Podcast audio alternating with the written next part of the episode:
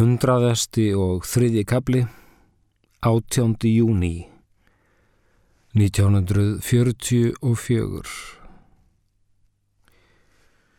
Í dag er 18. júni 1944. Paul McCartney er tveggjára í dag.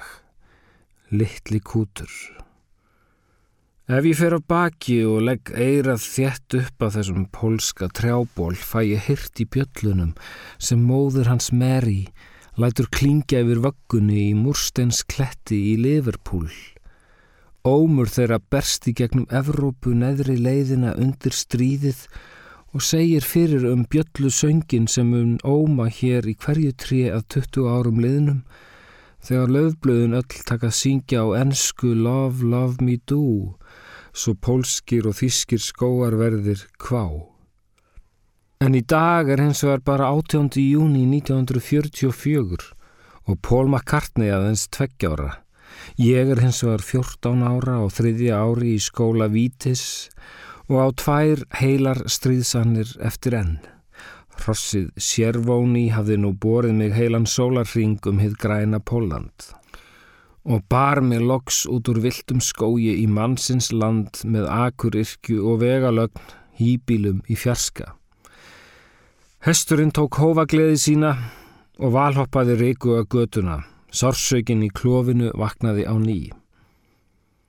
Sveitavegurinn var svo solskinn skvítur í sumarhittanum að ég mátti pýra augun og sá því ekki reikmökkin sem barst í mót okkur fyrir en skriðdregin inn í honum hafði stöðvast. Sérvóni fetaði sig niður úr brokkinu og stóðlokk skrafkyrr gengt stríðstóli. Vegurinn var svo þraungur að dregin tók upp alla breytt hans. Kantarnir voruð grasfekstir og meðfram þeim lág girðing þétt ofan í veginn.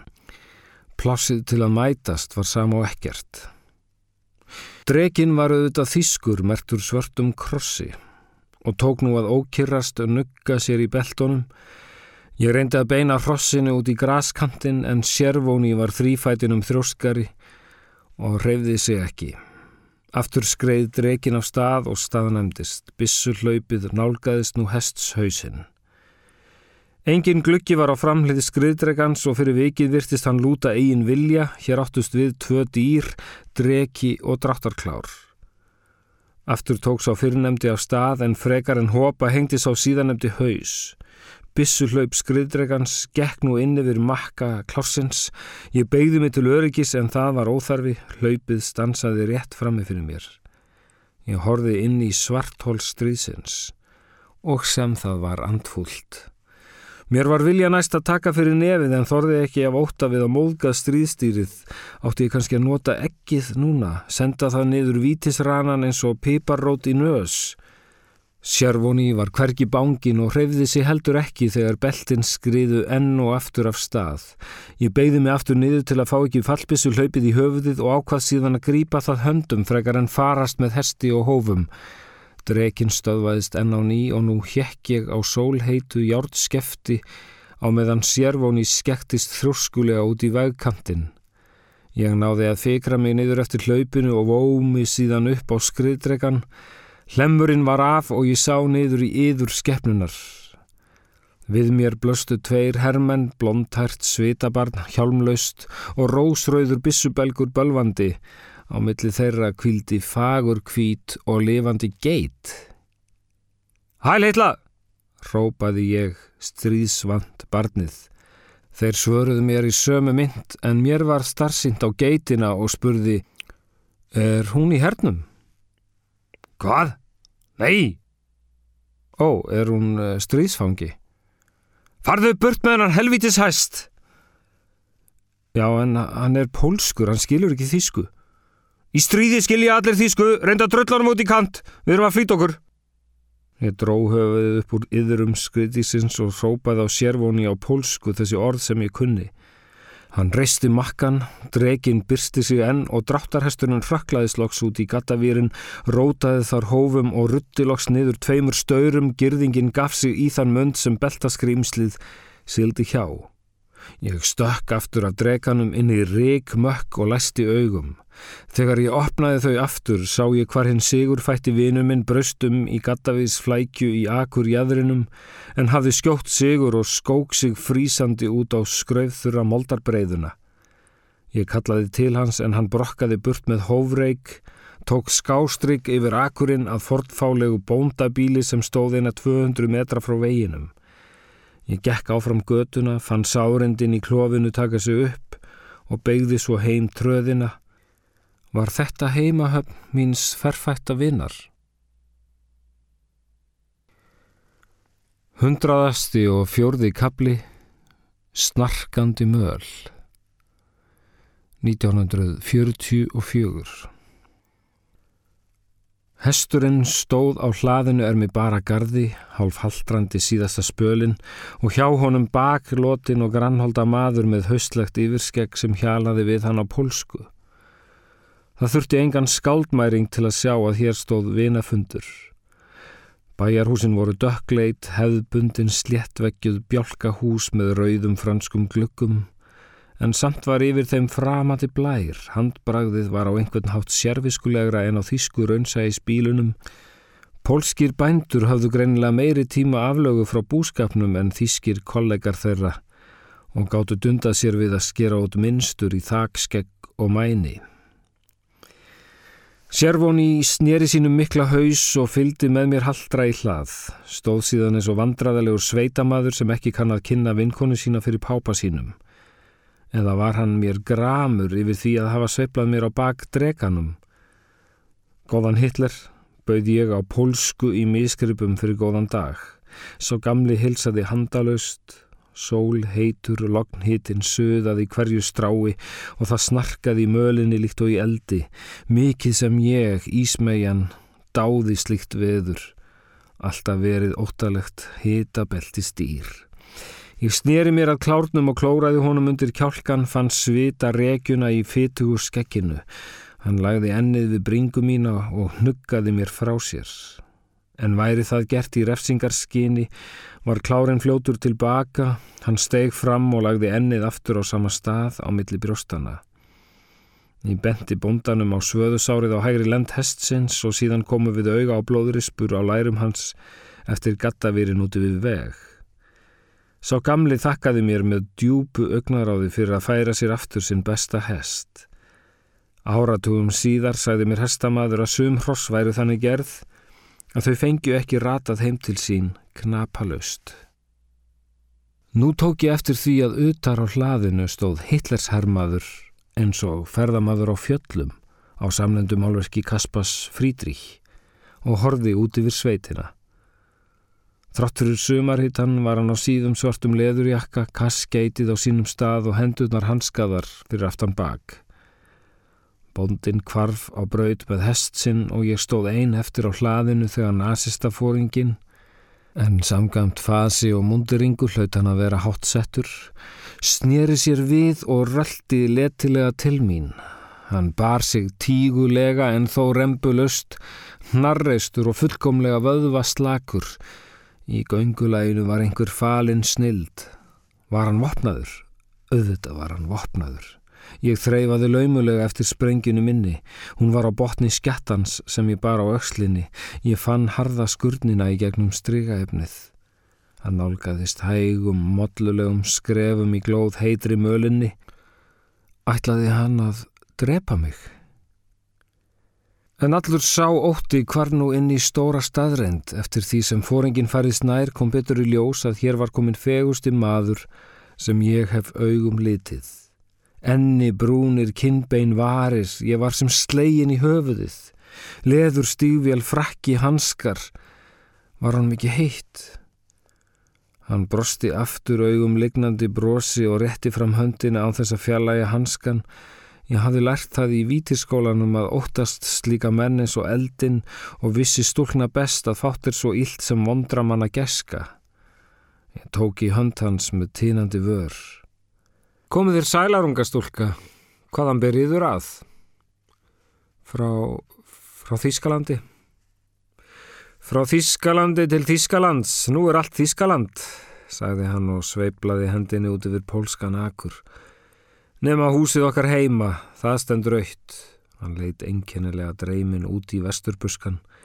Og á hvaða ferði eru þér? Mér leist ekki á þessa kursteysi alla. Af hverju urraði hann ekki frekar á mig? Hesturinn kom með mig, ég, ég veit ekki, ég upphafla er ég sko frá Íslandi og... Aaa, Íslandi! Ég hafði sagt töfra orðið. Hér hafði hann rekist á sjálfgefa tegund. Hann rausaði sitt hvað um Ísland til bláa norður, á rostunga og romantík, ég veit ekki hvað, því eirun heyrðu ekki fyrir því sem augun sáu. Hann var um þrítugt. Engu tíma hafði þetta andlit talist heiðbjart en var nú helbjart. Yfir því var forkunarfagur fölvi sem kallaði fram orðins og nár og helgríma Á hinn undarlegasta hátt komu þessi orð skrýðandi út úr hellismyrkri hugans og fram í tunglskinnið sem stafaði frá enni liðsfóringjans. Akkurat þessi orð og engin önnur, eins og tvö moldug og loðin nátt dýr. Hundraðasti og fymti kapli Undir borðum 1944 Hann hétt Hartmut Hertzfeld, fættur einhver staðar í Slesvík og hafði lært til rítöfundar við Hamburgerháskóla bókmöntir og listir. Allt kom þetta fram á okkar fyrsta stefnumóti. Hann bauð mér til kvöldverðar í stofu Pólandsbonda við sátum þar tvö yfir villisvíni og kertaljósi, rauðvíni úr Karpatafjöllum. Hann var engar viðfeldin borðherra, kurtis, fáaður og fullkomlega laus við flagar í.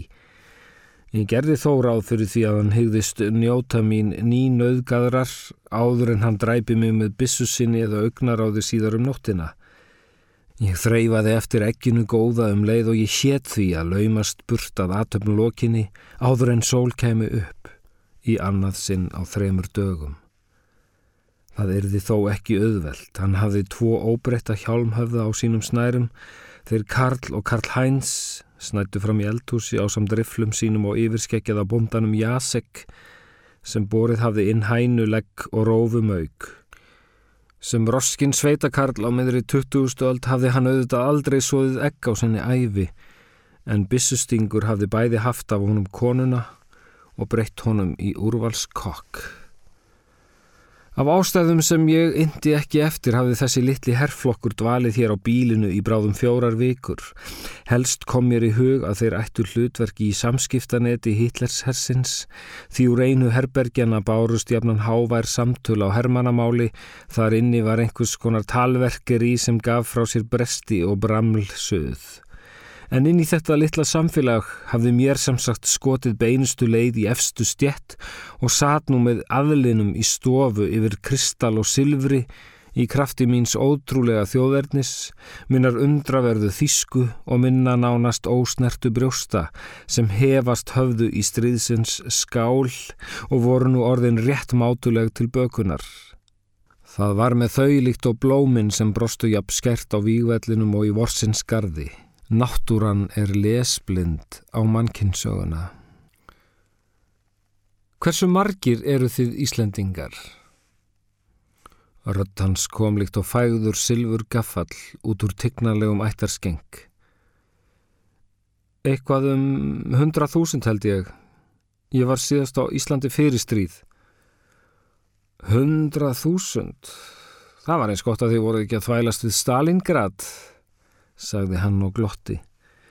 Ég skildi þetta auðvitað ekki, hafði aldrei hirt minnst á þessa borg og var auk þess með hugan við annað.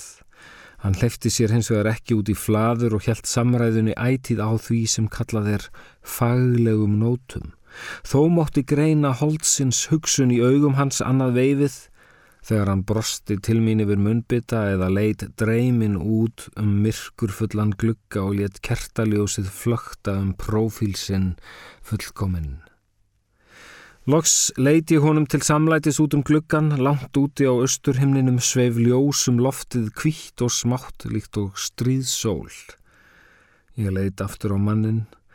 Hann horfi lengi á ljósið hníga niður heiminin og varð sífælt fjarrætni á svipin, líkt og augu hans væri upptökin af því að vinna ljóð úr ljósi. En þegar það var horfið bak við trjátoppana handan akursins, rangaði hann við sér, hallaði sér aftur í stólinn, lifti brúnum og glasi og sagði þengjandi Já, stríð. Það var undarlegu tótn í þessu. Þau eru mörg stríðin í hverju stríði. Hann kastaði orðunum frá sér líkt og steinvölum í myrkri. Ég átti að heyra frá þeim plaskið er þar lendu á vassfleitunum langt fyrir neðan og þar með skinja djúpið sem í þeim fólst. Þessi maður stóð á bjargbrún. En ég var of upptekin af aðstæðum yfir borðinu sem blasti við og snót á 15. ári fjekk ekki séð í gegnum. Ég dreifti hér á rauðvinni í fyrsta sinn, brennivín hafði ég reyndar drukkið með þremur köllum á brautastöð, satt á stefnumóti í fyrsta sinn, var líkast til ástfangin í fyrsta sinn. Því þrátt fyrir aðstæður var þetta sérlega romantískur kvöldverður. Hér sátum við tvær fullordnar manneskjur, guðminn, guðminn, ég fæ enn fyrring í magan við tilhugsununa, þessa nýfrjálsu tilhugsun um ungdóms mig sem gengur til stofu í krakka líki en breytist í konu um leið og ég sest, aðeins vegna þess hvernig hann dregur fram stólin og býður mér að setjast af þérandi auðmygt. Með rétti þrjá og sextán ára á milli okkar þýskur og íslensk í sveita húsi í miðju Pólandi á kvöldi svo heitu og kirlátu að kertið tók ekki einu sinni eftir því að glugginn stóð upp á gátt en lísti þeim mun mildilegar þennan undarlega fund. Lógið lékum rauðvins dökkvan í glasinu og fann í honum hárauðan bjarma sem engin leið var að staðsetja því hann virtist búa innra með víninu og ljómaði þar svo undarlega skerrauður í nær svörtum vögfanum líkt og sál í herrklæðum. Svo lifti hann glasinu og tók ekki um skálina heldur um fótinn eins og heimsmaður. Augum mín læstust við þá fölu fingur, íðil, fagra og viðkvæma Skyndilega var ég heldtekin af hendi hans og mér lánastum við yfirliði. Þetta átti eftir að gerast oft síðar er ég varð skotin, hrifin og dolfallin. Fingur, hendur og olbúar virkuðu ámögulikt og lif. Um síður fann ég útskýringuna á þessu fyrirbæri. Ég varð einfallega svo glöð og hissa að sjá að ástinn mín hafði hendur en ekki vangi eins og ég hafði haldið. Romantiskastur var þó glampin frá gljáðum og örsmáum hakakrossi sem sati í brjósti hans. Ég skammaðis minn fyrir en fekk því ekki neitað. Hitleskrossin virkaði á mig eins og fegusta rós. Það tælir fátt sem tabúið. Undir kraumaði síðan vittneskjan um vopnin í vössum okkar en til öryggis hafði ég stungið handsprengjunni í pilsvasan sem kölluðust á á sinn erotíska hátt, hlaup og egg Ég verði víst að viðkenna þá kvenn fyrirleitlegu staðreind að fátt er jafn ástar eggjandi og vissan um að borðherran hyggist myrðamann með skotvopni að hold verði loknum. En þér vitið vantanlega að þið Íslandingar eruð merkileg þjóð? Nei, við erum merkileg fyrir það eitt að vera til. Fyrir að hafa þrauka svona lengi. Ef við myndum hver á morgun myndi enginn sakna okkar. Ójú. Þeir menn eru til sem myndu sakna ykkar, sem halda því fram að Íslendingar séu hinn frum germanska þjóð sem varðveiti lífsnesta okkar allra. Með ykkur hafi norræn goðafræði orðið til, já, ef ekki til þá hafið þið að mista kosti varðveittana og hún sé hinn eina sanna menningar arfleið okkar germana ólíkt forningrískri menningu til dæmis sem sé okkur alls óskild. Ísland sé því okkar Hellas, okkar Aþena, fyrir heitna landið. Þetta hafði ég hýrt föður minn segja hundrað sinnum. Ég festi augun á hakakrossnæluna og meðan ég hugleiti svarið. Hmm, goða fræði. Hann stöðvaði rauðinsglasið og leið þess að vörum sínum líkt og kanil snúða frúin forðum og hló létt en tók síðan sopa og sagði Íður hugnast ekki goðafræði? Ég fekk snemma andúð á öllu því sem við kemur guðum og goðafræði. Það er einhver sá mesti grikkur sem mannkynnið hefur sjálfuð sér gert að dykta upp þessar ómennsku fyrirmyndir risa og skrimsli að kljást við og þjást undan í samanburðinum, allt er það uppspretta mikillar óhamingu. Því getum við ekki sæst við að vera menn. Afregsfólkið okkar er sagt vera guðum líkt, en á móti segi ég, þau sem mest eru manna eru mestir menn. Nei, guðir eru svo leiðinleir. Nú, hvernig þá? svaraði hann. Var þetta glott í augum hans? Það sem er fullkomið getur ekki verið skemmtilegt. Ég hitti einu sinni mann sem var svo óguðlegur og jærbundin að hann var halfur ofan í jörðinni eins og hann segði. Það vantaði á hann fæturna. Og þetta er skemmtilegasti maður sem ég hef kynst. Hann lifði ekki nóttina en í huga mínum er hann ódöðulegur. Þremur árum síðar hugsa ég ofta til hans en Guðs eða þessa sem kallaður er Guð. Hvað kom fyrir hann? Hann draf hann. Hver? Guð draf hann af afbreyðisemi af því að hann var fyndnar en hann. Eru þér fyndnar? Ekki jafn mikið á þér. Ég? Er ég fyndin? Já, í þessum búningi. Á þessum árum hljópstundum sjálfsmorð í orðinmanns. Maður mælti fyrir gröfsinni eins og sagt var. Stríðið var orðið svo langt og sálinn svo langt þreytt orðin á stöðugur í lífsættu að maður leiði sér stundum alls óvart að dadra við leiðina út úr því. En eftir vill var það romantíkin í mér sem talaði. Kanski var þetta tilraun til að tala hann úr þessum fötum sem fóru sál hans svo illa. Hann brást fremur fálega við. Þykir yfir búningurinn, þykir yfir hann ekki fallegur? Jú, en ekki á yður.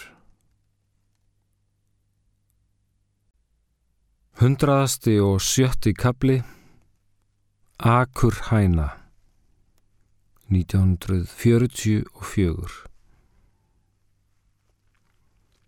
Hann olli mér vonbreiðum Hann reyndist korki vera nazistinn sem hann átt að vera, nýja skáldið sem ég taldi hann vera. Hann var einungis fagur, fagur eins og háfægður anskotas hurðarhút sem fyrir vel í hendi lítur höfði ef krafist er, líkur upp hurð og lætur aftur þeir síðan nætur langt. Ég starði á þennan bölvans hún og gæti ekki sopnað en skildi ekki hvers vegna. Hann hafði fyllt mér til herbergis, hvað Jasek hafa búið um rúm og bauð síðan góða nótt, eins kurteis og hlutlaus og hurðarhún. Og ég sem held hann hefði augastað á mér, en nei, hann vildi ekki eins og nöðga mér, hvað þó drepa. Ég var grútspæld og gati ekki sofið. Kanski vildi hann mig ekki vegna þess að ég var saurug og leirug eftir annan mann, slíkt fóruðu þetta ekki fram hjá næmu skaldi. Kanski var ég ónýtt fyrir lífstíð. Nei, nei, nei, með honum, þessum helga manni yrði ég aftur hrein. Ástinn myndi bjarga mér. En hvað var ég samt að hugsa, ég sem enn var sár og dofin eftir hryllingin? Já, auðvitað var þetta best að ég svæfi eini nótt og jafnaði mig Og þó nei, ég þráði hann eins og þorstinn vatn og lág í rúminu hvið þaninn, líkt og uppspennt stálfjöður. Einn fagurleg fingrasnerting frá honum hefði sendt mig út um gluggan. Arg og garg. Dægin eftir tók hann upp þráðinn yfir morgunverði og hátegisverði. Segji mér meir um Ísland, eru bifriðar algengar þar? En þurfti svo af bæ til kvöldverðar, Karl Heinz ókonum í mótorvagni með utanborðsæti. Ég snætti með Karli Nýtt Heinz sem átt kjötið eins og ulfur, höfuð nýtti upp í sig bitónum og hvaðst vera smiðsefni frá Sarbrukken, stórskóren svenstöili. Hann var eldrauður kringum nefstæðið. Það var sem stóru nefinu hefði verið þrýstinn í andlitið í liðinni viku og húðin var í ennað jafna sig. Hann hafði engan áhuga á Íslandi og var einungis viðræðu hæfur um eitt hlut vegbrýr sem hann taldi merkilega nýjung ef ekki helsta framlag þjóðverja til heimsmenningarinnar. Þetta eru sko ekki brýr yfir ár eða fljót heldur vegi sko, aðra vegi, brýr yfir vegi, vegbrýr, hugsaðu þér, vegbrýr. Já, já, já, já, farðu burt frá eirunum mínum, eins langt og þú kemst, svo bomban sem drefur þig sprengi ekki í mér hljóðhimnurnar. Stjættaskiptingin í hernum var auðvitað miskunarlaus. Óskóla gengnum hjálmum var allt á foraðið af langskóla gengnum kaskeitum. Gáfur eru gjaldmiðil lífsins. Og af honum átti Hartmút heilan sjóð á meðan Karl Heinz og ekki Heinz hafðu einungis þegið lofafylli í lífsins útborgun. Þó er það svo kyndugt með gáfur að þeim allra mestu fylgir sjálfnast gæfa. Milligefnum mönnum verður ágengast í lífinu, þeir hafa nóg til að þrengja sér um þvöguna og skortir nóg til að vilja upp á pallin. Ég segi og skrifa, hættulegustu eintökin í hverju þjóðfélagi eru víst ávalt hinnir svo kulluðu ómentuðu mentamenn, hálfgáfaðir og gerfi skólagengnir vinnustæðapredikarar með klemda listræna taug eða stórmennsku brjálaðir dvergar sem bylla hæð sín í loft upp. Af þessum sögum sjáum við aldrei sanna mentamenn á forsætistóli, heldur aðeins flugfreyjur og lögfræðinga. Þótt ég kynni einungis hrossa pólsku kaus ég frekar að ræða við Jasek heldur en smiðs auðlan. Bondin var hugprúður hæglætis maður sem rósemi vegna myndi nokkuð ám Jón í móðárkoti, mann sem stendur aftar í minni bók. Hann var hér fangi á eigin heimili og gert að þræla undir herrana sem voru honum lífinu yngri en höfðu nömið af honum landið stökt sónum hans á flotta og drepið konu hans í fjósi. En á fasi hans sást að sálinn hafði ekki verið hernuminn. Hann hrefði sig lötur hægt til allra verka því innra með sér hafði hann falið vitt og grænt engi sem þjóðverðarnir hafðu aldrei augum litið og stríðsfögl þeirra fekk ekki einu sinni flóið yfir. Það var stór landareign og því ekkert hægðarverk að hreyfa sig með hana innbyrðis um hús og eldhús. Þeir sneru aftur á miðinætti Hartmut og Karl Heinz. Ég hekki í úthugsaðri kæruleysistellingu á stól í eldhúsinu yfir pólskri krosskátu með fleið brjóst og beran hnýja á lofti fyrir opnum dyrum eins og viðvaningsleg vændiskona. En allt kom fyrir ekki. Það var þungt yfir Hartmut er hann byrtist inn úr bíslægin og fór beina leiðin á baðherbergið. Mér var farið að verka í hnýið er hann byrtist loks aftur. Hann leitt snögglega út gangin og inn í eldhúsið á læraberu drósina sem þar satt en ég fekk ekkert út úr því augnaráði. Það var örstutt og galtómt. Síðan gekk hann inn til sín og lokaði að sér og ég gatt skrúað mig lausa úr mellustellingunni. Ég dundaði mér við að þýða nafnið hans og komst að því að hartmót þýðir hugrakkur og hertsfeld, hjartans akur. Það varði ekki betra. Eftir því sem dagarnir liðu kvarf ég gjörsamlega út á þann akur og ráfaði þar um eins og ítla rugglandi akur hæna, rótandi og goggandi eftir þessu fjandans hjarta sem svörðurinn faldi. Ég var orðin vitstóla af ást. Að morgni kom ég að honum í ganginum þar sem hann stóði smáspeil hátt á vegg og greitti aftur hárið. Ég fröys í spórinu opinmynd og rankaði ekki við mér fyrir hann hafði lokið verki og leita á mig með leiftur brosi og augans bliki áður en hann hraðaði sér fram hjá mér. Ég ránglaði inn til mín og mátti leggjast út af rótuð af rækspýra. Allan daginn, allar nætur gæti ég ekki hugsað um annað en þetta hreina enni, þetta beina nef og þessar mjúku þykku varir, háu kinnbein og sterku högu og já, auga brúnir, svo skýrum dráttum dregnar og guðminn almáttur augun. Hárið var ljóst en þó ætið dögt af afturvaskreðslu og kaskeiti skugga. Já, það var einhver skuggi yfir honum ef ekki inn í honum sem ég skildi ekki alveg. Var ekki gaman að vera liðsfóringi í sigursælasta herr sögunar? Nei, hann var eitthvað sem hrjáði hugrakkan hjartans akur. Blikið í augum hans var á einhvern hátt blekfullt og þótt brosið var í bjart kom það til mín líkt og árbleik innst í dimmum helli. Smám saman gerði ég mér grein fyrir því að þessi fagri drengur var auðsinn allri lífsgleði. Það litla sem hann hafði syngt mér fyrsta daginn virtist alveg horfið. Kvöld eitt fór hann af bæ og kom brúnaþungur heim. Daginn eftir engar fleiri spurningar um Ísland aðeins rúbröð með smjöri. Hann gerðist æfölari með hverjum degi og dimmari á mannin og það hlaut að vera skáldskapurinn. Voru skáld ekki yfirleitt þannig? pappirsföl í andliti með hausin fullan af prentsvertu. Hrypning mín jógst þó aðeins í réttu hlutfalli við innandimmu hans. Mér varðaði ekkert um líðan hans, ekki á meðan ég hafði andlit hans fyrir augunum. Ástin kviknar af tvennu, ytra borði og innri manni og í fyrstu atrennu á maður kappnó með það fyrirnemda. Ég fór út í hesthús og rætti málið við sérvóni, minn besta vinn. Honum leist ekkert á þetta.